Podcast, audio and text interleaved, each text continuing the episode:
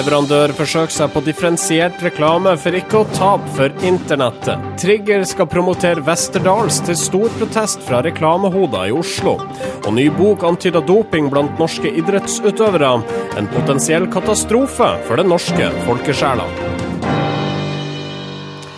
Og med det så ønsker vi hjertelig velkommen til eh, første episode av Norske informasjonsrådgivere i 2014. Eh, velkommen til dere kjære venner der på andre sida av eh, podkast-eteren.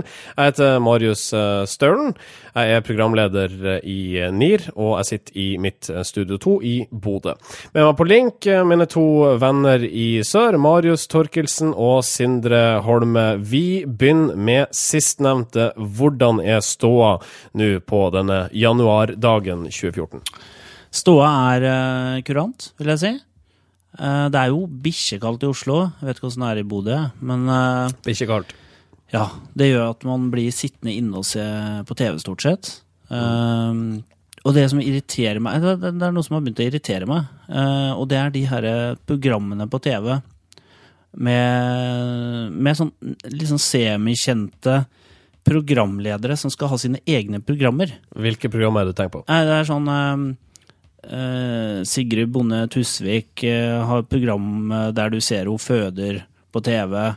Uh, og så Ida Flat, Fladen, er det du, uh, hadde også et sånt program, programserie hvor hun skulle prøve å bli lykkelig. Ja. Så er det en som heter Marte Sveberg, som har vært programleder på Superquiz. Uh, hun har også nå skal vise fram familien sin da, uh, på TV. Hvilke følelser bobler i deg når du ser disse programmene med semikjente semikjendiser som uh, blir eksponert i beste, eller i hvert fall i sendetid? Jeg har jo ikke noe mot kjendiser, men jeg har noe mot når på en måte de lager et konsept for at kjendisen skal bli mer kjendis. Skjønner du? Mm, ja.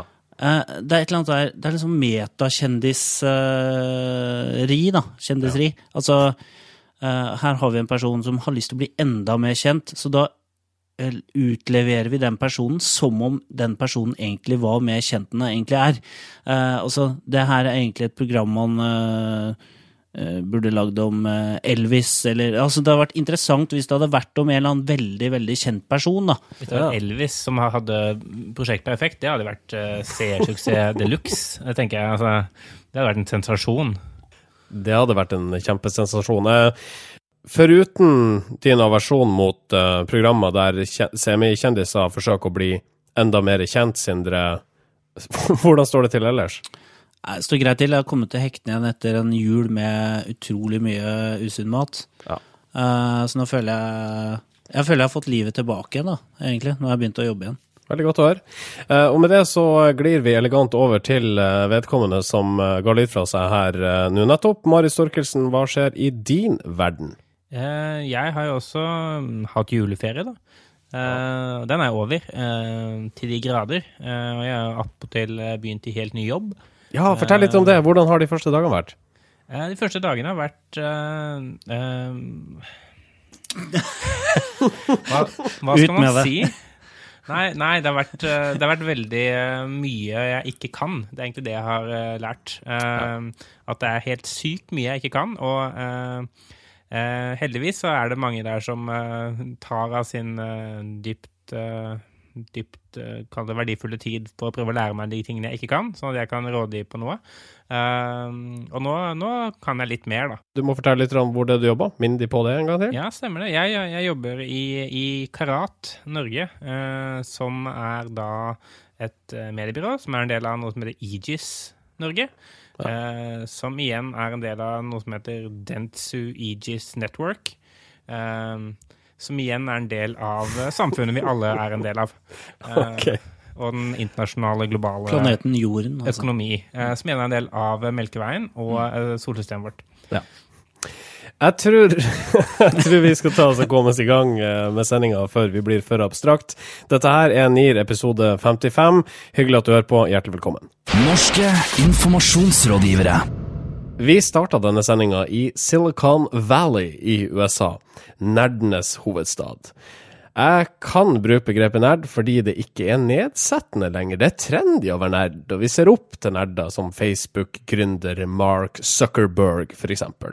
Men nå viste det seg det at disse tech-folkene i Google, Facebook, Microsoft etc., bl.a. blant annet vår egen e-postleverandør Yahoo, er like opptatt av business som folk i andre selskaper. Nerdene ga gladelig fra seg data da NSA eh, ba om informasjon fra deres brukerbaser. De bruker lobbyister i Washington for å fremme egne interesser, og de holder ekstravagante fester med tigre i bur og aper som poserer for Instagram-bilder. Nerdene kan gå på en omdømmesmell, spår journalist Adrian Woolrich i uh, avisa The Economist. Han gjør det, og vi syns jo det er interessant. Uh, fordi de har jo eh, kommet seg fint unna kritisk søkelys. Hvorfor det? De har vel gjort det på grunn av, på grunn av at de, mange av de er veldig unge. Uh, de er nerdete, de er annerledes enn uh, en corporate De har ikke den corporate-stilen med slips og dress og, og ser litt sånn uh, Ser ut som de har spist ti rekesmørbrød for mye hele tiden. Mm. De har en litt annen stil, rett og slett, som gjør at de har kommet liksom kanskje unna ja, ja, altså, har de en cred-stil, eller har de en stil som gir dem cred på noe vis? Ja, jeg tror det. Hvis du, hvis du, er, eh, hvis du går i hettegenser, så, så, får du på en måte Da er garden nede med en gang. Man ja. tenker ikke at her kommer det en kynisk milliardær. Men så viser det seg det at uh, de er kyniske milliardærer. Ja, det kan du jo si. Altså, de er vel som alle andre milliardærer. De prøver å unngå å betale skatt hvis de kan. Bill Gates har jo vært uh, verdens rikeste mann i ti år på rad eller noe sånt. Uh, og han er fortsatt en sånn der litt sånn snål, artig, uskyldig, fin skrue. Han er, den i, han er vel også den i verden som gir mest til veldedighet, sannsynligvis. Ja, men det er jo en sånn derre økonomisk uh, modell da, som gjør at han, han, er opp, han, er jo opptatt av Han investerer jo, på en måte, i Jeg skal ikke si at det er feil, det han gjør, men, men, det er jo, men han, han opprettholder i hvert fall en god formue, da. Ja. Uh, så er jo så er spørsmålet liksom når går vi over fra å tenke at tech er det er normalt. Det er akkurat som eh, bank, det. Mm. I samfunnet vårt. Ja, det er, en, det er, et, et, det er sånn, et, fundament på linje med alt annet som vi er avhengig av for at ting skal gå rundt. Jeg, jeg tror det at sånn For oss som har vokst opp med å oppleve eh, at disse innovasjonene er innovasjoner, så kommer vi sikkert alltid til å se liksom, på disse gründerne litt med stjerner i øya. Eh, men eh, da våre barn, eh, mine er ikke født, de Sindre sine er født, eh, de, de, har vokst opp med at dette er bare sånn det er, og kommer til å tenke at å ja, har fått opp Facebook. Ja, ok. Dritdøll fyr. Fy ja. faen. Døll fyr. Altså, jeg, jeg, tror det, jeg tror det vil komme Altså, det vil komme Altså, tech-bransjen, den vil ikke være sånn eh, Blir ikke sett på som én bransje. Jeg tror det heller vil være sånn at eh, når Google og Facebook blir enda større og begynner å kjøpe opp små selskaper, eh, så begynner man å se på de som de store dinosaurene. Men hvem skal vi se opp til da, når vi ikke lenger ser opp til disse som Uh, forandrer livene våre på et eller annet, men på veien til å forandre livene, oss, eh, livene våre, så gjør de seg sjøl steinrik og putter tigre i bur når de skal ha champagnefester. Hvem ser vi opp til da? Alternative kunstnere? Den, den, den som finner opp uh, altså den Tidsmaskinen. Tidsmaskinen, og han, eller kanskje hun, da, som finner opp familiejetpacken. da. Altså den familievennlige jetpacken du kan ta til og fra butikken. Ja. Uh, den, den, personen tror jeg blir en kul. Men, men, men altså, Richard Branson han starta et, uh, et mobilselskap og et flyselskap. Ikke sånn superspennende. Men han er jo, begynner å bli en gammel mann, og han har fortsatt blitt bli sett på som kul. Så jeg tror hvis du har et eller annet eksentrisk ved deg, uh, hvis du liker å basehoppe, litt sånne ting, og klarer å få fram liksom det herre At du er litt uh, At du er litt annerledes, da. Mm. Uh, så, så, tror jeg fortsatt du kan måte, holde en uh, Fortsatt en, ha en høy stjerne, da. Ja, kanskje Mark Zuckerberg trenger en, liksom en differensieringsstrategi uh, for sitt personlige image. Uh, nå være jo måte, skydiving og, og sånn basehopping og sånn opptatt, men kanskje han kan bli uh, jeg vet, jeg tenker bare Hvis han skal opprettholde liksom, Han ser jo ut som et lite barn. Altså, jeg tror han må liksom, bare drive og ringe på og stikke av, spenne bein. eh, altså, kaste kinaputter inn til naboens, eh, i hagen til naboen osv. Bare liksom opprettholde den imagen da, som mm. en litt sånn derre guttunge eh, som finner på litt sprell. Ja. Nå har vi uh, rodd oss fram til en konklusjon. Jeg var usikker på hvorvidt vi kunne komme dit for fem minutter siden, men konklusjonen blir noe sånt. Jeg foreslår dette her for Nirådet nå, ærbødigste Niråd. Um, det holder ikke lenger å skape et eller annet stort innen uh, tekken, fordi vi er lei av de folkene. Du må ha et eller annet annet ved deg for å ha ei høy stjerne i den brede befolkning. Det, det sånn, den konklusjonen kunne jeg nesten gjort selv. Så, så bra er den. Tusen hjertelig takk for det. Uh, tommel opp eller tommel ned for det jeg nettopp sa? Tommel opp. tommel opp. Norske informasjonsrådgivere. VG kunne her om dagen melde at en avdelingsleder i Antidoping Norge har sett blodverdier fra norske idrettsutøvere. Eh, og disse tyder på en omfattende dopingbruk. Mats Drange heter mannen som i sin bok Den store dopingbløffen hevder at han i sine studier av gamle blodverdier, type fra rundt 2001, tilhørende tilhører norske utøvere, har funnet spor av bl.a. det forbudte stoffet EPO. Drange nevner ikke navn, ei heller idrettsgren, og dermed så står et samla Idretts-Norge foran en potensiell omdømmekrise. Det er riktig. Mats Strange han eh, er tidligere avdelingsleder i Antidoping Norge. Uh, nå er det jo det å det å påstå at norske utøvere kan være dopa, det er kanskje noe av det verste du kan gjøre i Norge.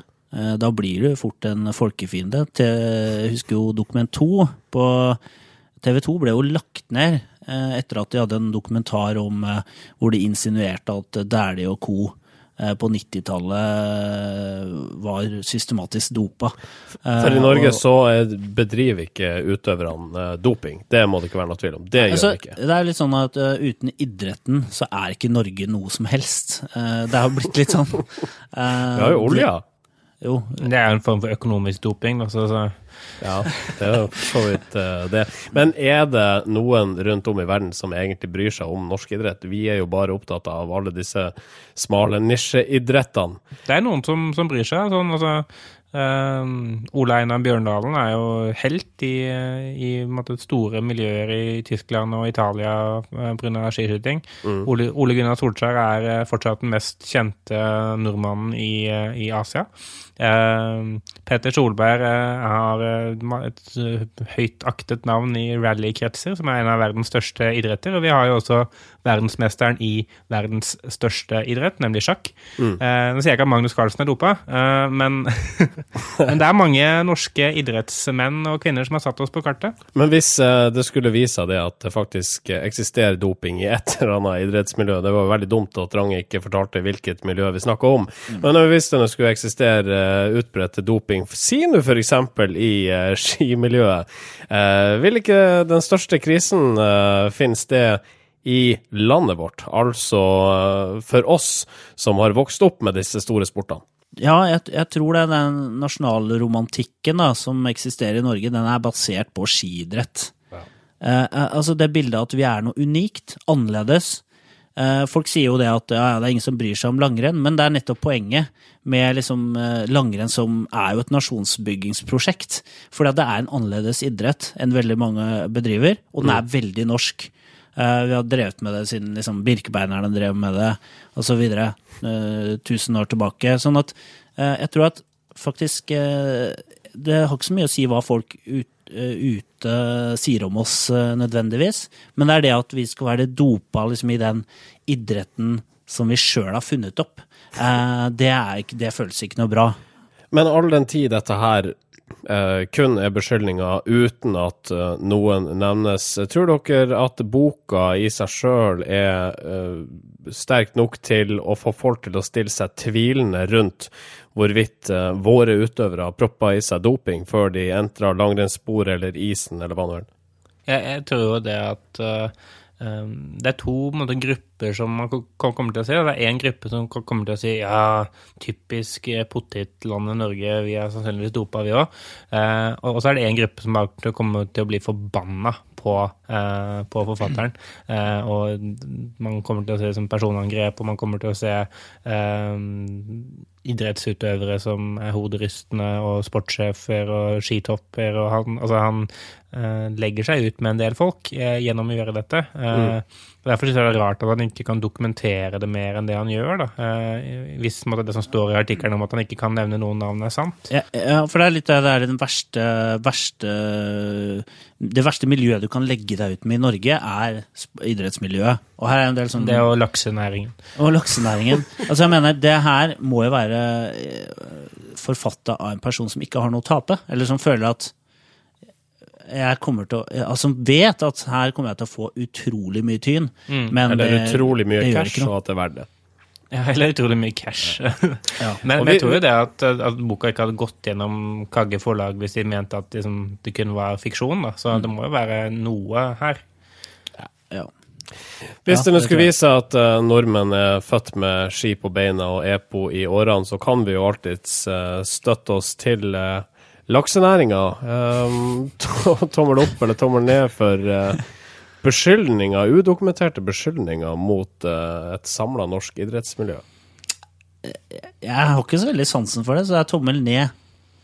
Jeg, som P-grep, tom, tommel opp. Når noe er liksom anonymt, så er det sannsynligvis fordi fordi den det handler om ikke er spennende. Det er sånn Kulestøter Lasse Fjærvold fra Bull fra Bull idrettslag var dopet på 60-tallet.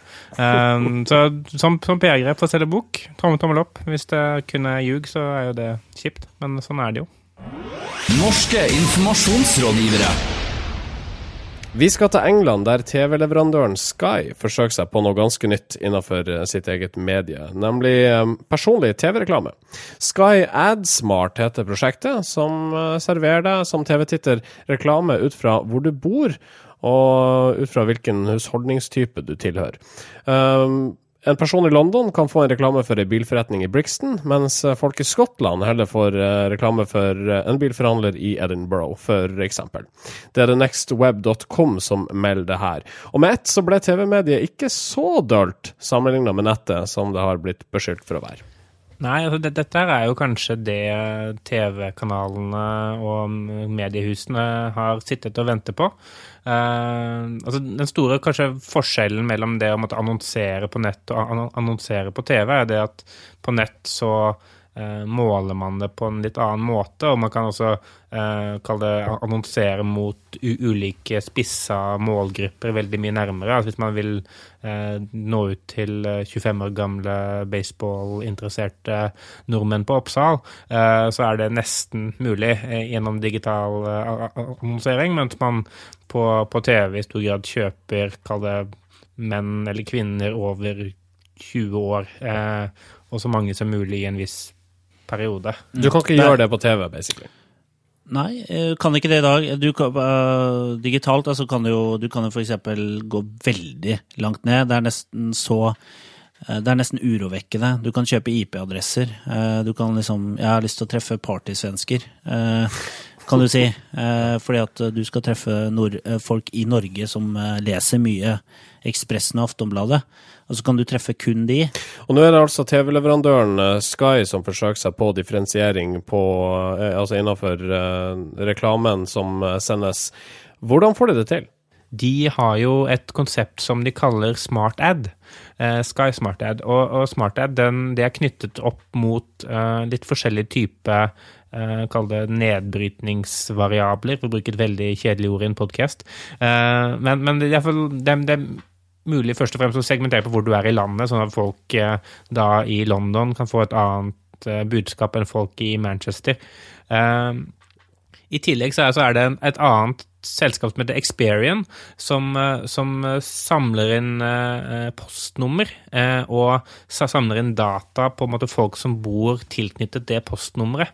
Og Det betyr at da Sky kan selge både en region, og de kan selge ned, ned på postnummernivå. Og Da vet Experian en del om alle som bor i den gata eller i det nabolaget, bl.a. Hva de kjøper, hva de handler, hvilke tilbud de, de mottar fra dagligvareleverandører osv. Og, så mm. og så kan da eh, Sky selge måte, eh, eh, de målgruppene til annonsører, da, sånn at Pampers kan nå ut til kvinner som akkurat har fått barn, f.eks. med, med målretta reklame, eller en ølprodusent kan nå ut til studenter i et område.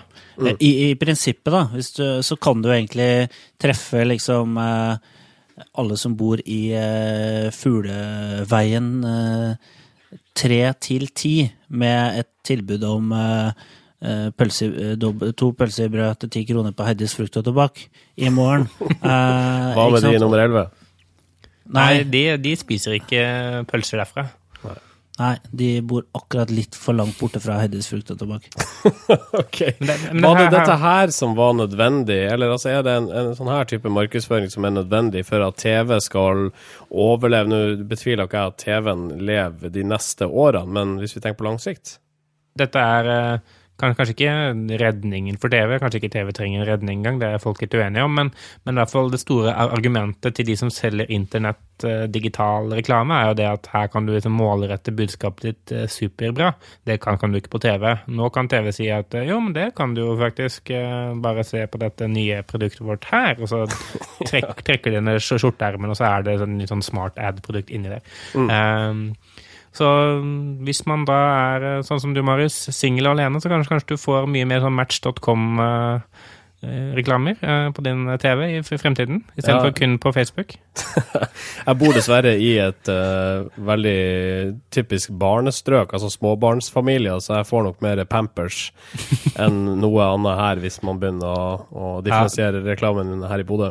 Det er ikke 100 eh, effektivt ennå. Nei, de kan jo ikke garantere for sånne freak results og freak outcomes som at en singel 29-åring flytter inn i et barnevennlig område. Men vi, jeg tror vi lar det ligge. Skal vi eh, gi en tommel opp eller tommel ned for Sky?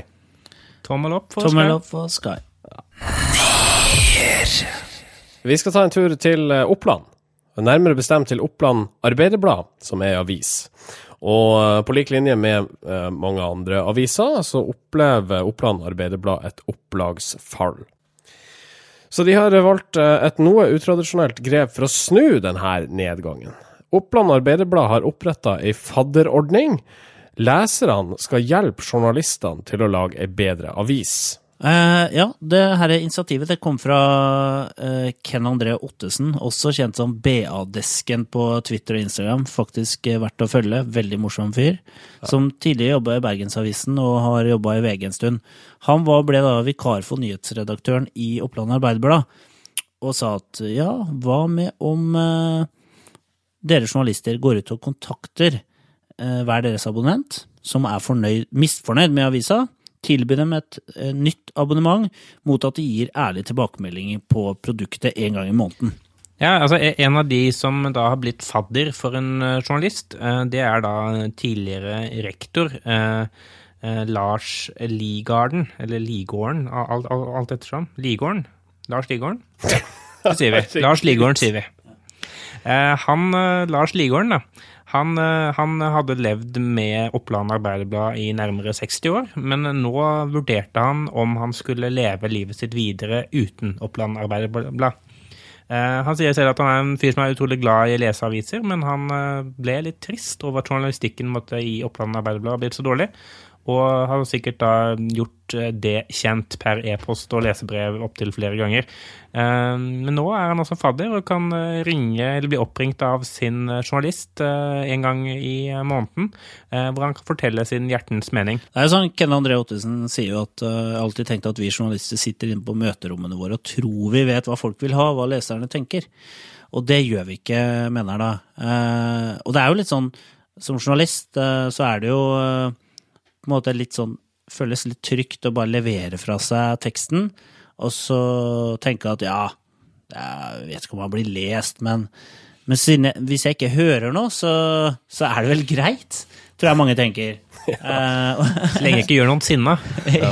ja, ikke sant. Da kommer de på tråden, og de er bare gærne med en gang. uansett. De som ringer inn, det er bare sånn tullinger uansett. Så det må liksom oppsøke folk, da, og faktisk eh, snakke med hvermannsen. Det, det, det, er sikkert ganske nyttig. Mm.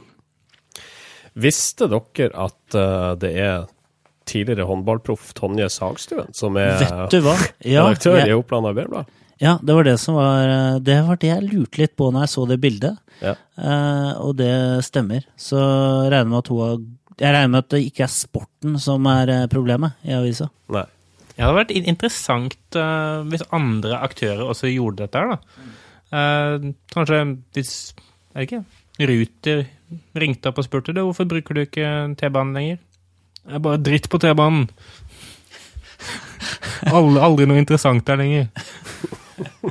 Det er så tabloidende, T-banen. Jeg klarer ikke mer av den. Bare uh, sex og fyll i T-banen. Jeg tror vi setter en strek der. Tommel opp eller tommel ned for Oppland Arbeiderblads uh, ja, uh, fadderordning? Tommel opp. Tommel ned. Hvorfor det? Hvorfor tommel ned? Uforutsigbar i dag. Nei, jeg syns bare at eh, de skulle klart å lage bra avis uten å gjøre det. ok. Nier. Det er du som utrydda den begalske tigeren, altså. Brukte du alle kommunens penger på PR-byrå? Flyttet du makt i favør av andre enn dine oppdragsgivere? Sendte du hatmail til innvandrere mens du satt i regjering? regjering? Dette skal ikke skje. I forhold til det så legger jeg meg flat. flat, flat, flat, flat. Det var ikke meningen at du skulle finne ut det. Jeg legger meg flat. flat, flat, flat, flat. Nå ble det veldig mye negativ presse. Jeg legger meg flat. Jeg tar dette til etterretning og legger meg paddeflat. Jeg legger meg flat. Flatindeksen. Ja. Nå eh, er det i hvert fall eh, den tida av uh, måneden, som damene bruker å si. Det er flatindeksen vi har på skjemaet vårt nå. Vi ser på et velkjent PR-grep, og Marius, det er du som er sjefen for denne sporten. Tusen takk. Ehm, jeg er jo sjef fordi jeg har blitt sånn vaktbikkje på, på, flatlegging. Eh, bare for å oppsummere litt for de som har eh, vært fraværende i PR-bransjen de siste halvannet årene, eh, så er jo det å få kritikk noe man ofte får. Eh, enten man er en del av bransjen, eller hvis man måtte jobbe som kommunikasjonsansvarlig for en, en annen virksomhet. Ofte får man kritikk når man har gjort noe galt eller noe dumt, eller man har driti seg ut. Eh, og Hvis man ønsker at den kritikken skal gå over, og ikke har lyst til å ta så mye ansvar for det man har gjort, så bare sier man jeg legger meg helt flat. Eh, det var dumt at vi gjorde det. Mm. Uten å komme med noen forklaring eller noe. Da bare tenker journalisten at han har seg flat, ja, da skriver han noe annet. Da. Uh, så uh, det som er vårt fokus i den, denne spalten, er det å uh, prøve å få folk til å kanskje ta litt mer ansvar for de tingene de gjør, og heller forklare litt og stå litt for de tingene de har gjort, istedenfor å bare legge seg flat og håpe at det blåser over. Hva er ståa for desember? Hvor mange barn, voksne idrettsutøvere og selskaper la seg flat? Uh, I desember var det 26. Oh, ja. det, det, er jo, det er et uh, fint tall, det. ja, Det syns jeg vi skal være stolte av. Ja, det er da vi, Da har vi gjort et eller annet uh, påvirka her, tror jeg. Ja, det, det tror jeg. Ja, denne spalta må være årsaken. ja, altså Det er ingen andre spalter som handler om planlegging, så jeg vet ikke helt hva du insinuerer. Nei, jeg er litt usikker sjøl, gitt. Uh, du har uh, plukka fram uh, det du anser som de tre beste, eventuelt drøyeste, flatleggingene for desember måned, og vi går rett på tredjeplassen. Yes, eh, Tredjeplass den går til eh, dekkjeden Dekk1, eller Dekken, alt etter ettersom hvordan man tenker det. Eh, dette er Dekk1 eh, Nordland, eh, og eh, som tydeligvis har et veldig høyt, stort mandatområde. Men uansett. Bjørn Asle, han Eller Asle. Beklager det, Bjørn Asle. Jeg mente Bjørn Asle. Eh, Bjørn Asle han, han, kjøpte nye vinterdekk fra Dekken, eller Dekk 1. Eh, og kjøpte måtte, med montering og leverte bilen fra seg og fikk disse dekkene montert og kjørte av gårde. Eh, og så kommer han hjem, og så merker han jo at dette er akkurat de samme dekkene som jeg hadde på når jeg kom inn til eh, Dekk 1-verkstedet. Eh, så viser det seg at han har kjøpt nye vinterdekk, eh, og så har de bare ikke montert dem på. Ja. og bare latt han kjøre av gårde igjen. Eh, eh, og da Jo Espen Nilsen i dekk 1, han sier at selvfølgelig skal vi jo gi kunden varen når han har betalt for det.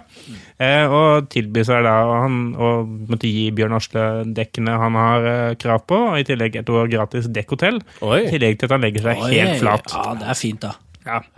Vi går rett til andreplassen. Andreplassen eh, den går til NRK, eller rettere sagt NRK-sporten. Eh, fordi eh, under et eh, skiskytterstevne i Dette var vel midten av desember, så filma da NRK dette stevnet og live-overførte det. Og lillebror Bø, Johannes Tingnes Bø, en relativt decent skiskytter, han hadde kom, kommet i mål og skulle skifte til varmere klær fra denne skitrikoten. Eh, og skiskyttere er ikke så veldig blyge av seg, så han vrengte av seg klærne, sto der eh, splitter naken og skifta. Eh, dette valgte da NRK Sporten å måtte zoome inn på og livedekke Johannes Tingnes Bø naken minutt for minutt. Noe som er litt sånn Kall det en uttalt uh, avtale om at man ikke skal gjøre uh, når disse skiløperne skifter. Eh, og da Sjur Moelven, som er redaksjonssjef i NRK, han eh, legger seg helt flat og sier at selvfølgelig skal vi ikke filme nakne skiløpere, verken kvinner eller herrer. Hva? Men han forklarte ikke hvorfor de gjorde det. Nei, han, skal bare, han bare måtte beklage på vegne av seerne og, og si at eh, det burde, burde vi ikke gjort. Men uh, Så seerne beklager at Ja, den, De gjorde det. ja. Ja, ja, vi klarte ikke å se bort. Beklager, vi hadde en kåtpeis av en uh, kameramann som ikke kunne dy seg. Uh, Jeg legger meg flat. Ok. Um, NRK på en andreplass. Og måneden, desember måneds flateste. Hvem er det, Torkelsen? Desember måneds flateste, det er Bergen tingrett. Fordi Bergen tingrett hadde avsagt en dom til en 21-åring. Eh, Denne dommen var på åtte måneder fengsel. Eh, og så er det jo sånn at Når denne dommen er avsagt, så skal den da måtte protokollføres og oversendes til både den som har fått dommen, og til hans advokat. Eh, når de da fikk dommen, så sto det i domsdokumentene som alle tre tingrettsdommerne hadde signert på, at fengselsstraffen var sju måneder. Ja. Eh, dette oppdaget da Bergen tingrett at oi, faen, det skulle være åtte måneder her. Eh, så de måtte prøvde å avsi en ny dom eh, noen, noen uker et etterpå, liksom, uten at han var helt til stede og sånn. Så ja, det var egentlig også åtte måneder. Og så fikk han en, enda, et dok en, enda et dokument hvor du da Du beklager, det er egentlig åtte måneder du skal være i fengsel. Eh, Dette er jo ikke riktig rettsprosedyre, og det har de i en måte ikke helt mandat til å gjøre. Så nå er egentlig da Bergen tingrett nødt til å ta opp hele saken på nytt igjen fra starten av og gjennomføre rettssaken en gang til. Kunne du ikke bare latt han sitte der i syv måneder og eh, tenkt sånn, ja, ja, det var en tabbe, men altså. ok. Ja. Ja, eh, men uansett så er det i hvert fall eh, da tingrettsdommer Anne Horn eh, i Bergen tingrett som sier at selvfølgelig så skal de som blir dømt få riktig antall måneders fengselsstraff. Så det legger man seg flatt for. Men eh, da blir det en ny rettssak, da? Det blir en ny, rettssak. Den starter opp nå i januar. Ja, spennende. det er vel ikke så spennende. Utfallet er vel mer eller mindre gitt, er det ikke det? Jo, det er, sånn- det er en sånn det blir det åtte en litt sånn halvfalsk rettssak hvor alle må bare si det samme en gang til. Ja, som jeg sa sist, så Dette Dette er sagt før, men det er greit, jeg sier det en gang til. Ja, dere vet jo hva jeg mener om dette her. eh, Kan innkalle helt nye vitner og sånn. Sprite det opp litt, liksom. Ja, surprise witnesses. Ja, surprise. Ok, Bergen tingrett er altså desember måneds flateste. Det er ikke en gratulasjon, vi bare konstaterer at slik er det, og vi beveger oss videre. Ikke gjør dette. Du, vi skal snakke om Vesterdals Westerdals reklameskole nå. For de var på jakt etter et uh, nytt byrå til å profilere dem uh, eksternt. Og annonserte nylig at uh, Trigger er det byrået. Og da så reklamebransjen rødt. Og det ga de krast uttrykk for i kommentarfeltene til eh, Kreativ Forum, som da omtalte eh, Westerdals eh, byråvalg.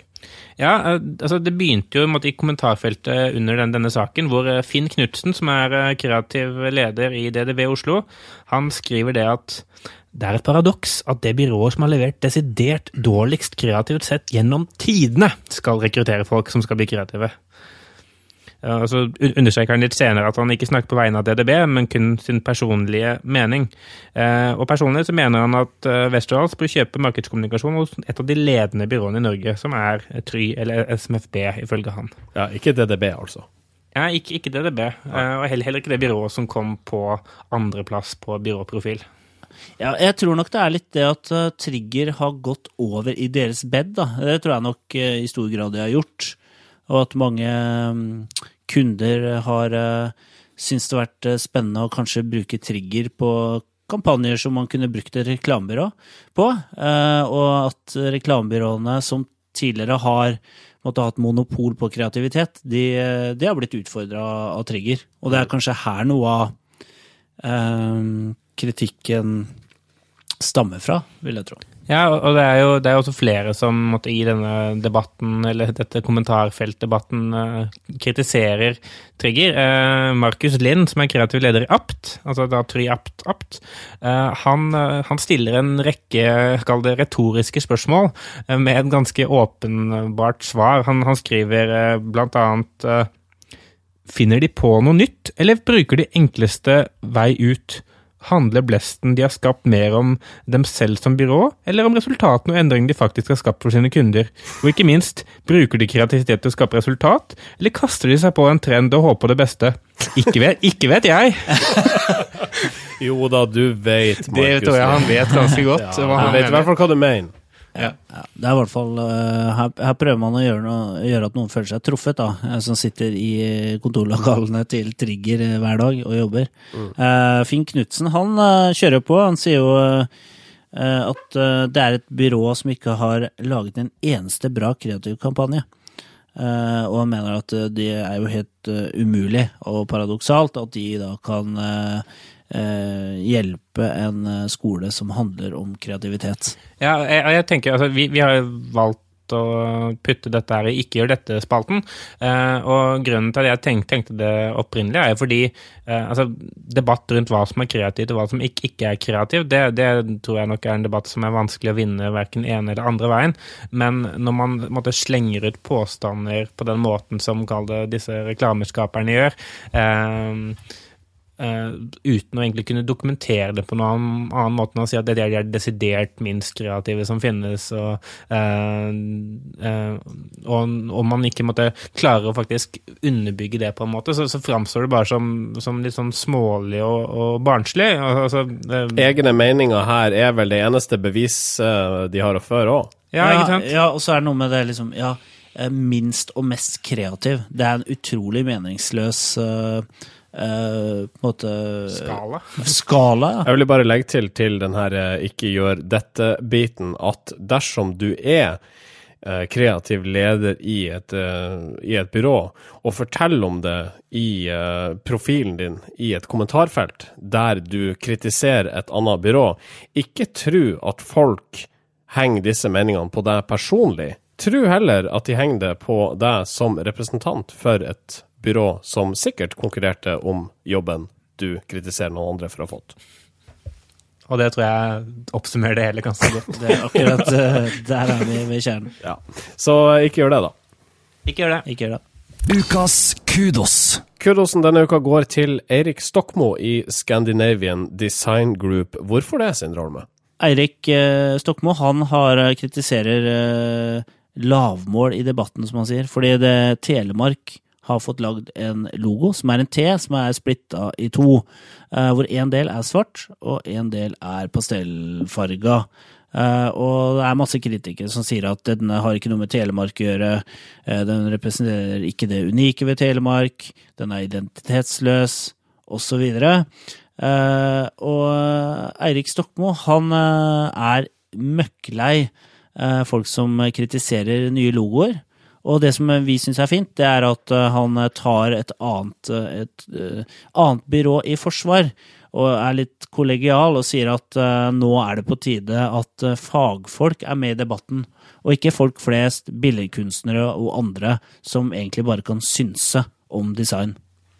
Altså, vi har jo snakka en del om dette her før, eh, hvordan måtte, designbransjen er de verste brønnpisserne som finnes. Eh, hvor alle egentlig rakker ned på hverandre hver gang det kommer en ny logo. Eh, og da hadde det vært veldig lett for, eh, for eh, Stokmo å sitte helt stille i båten og bare se på at Snøhetta fikk kritikk i beste sendetid på NRK.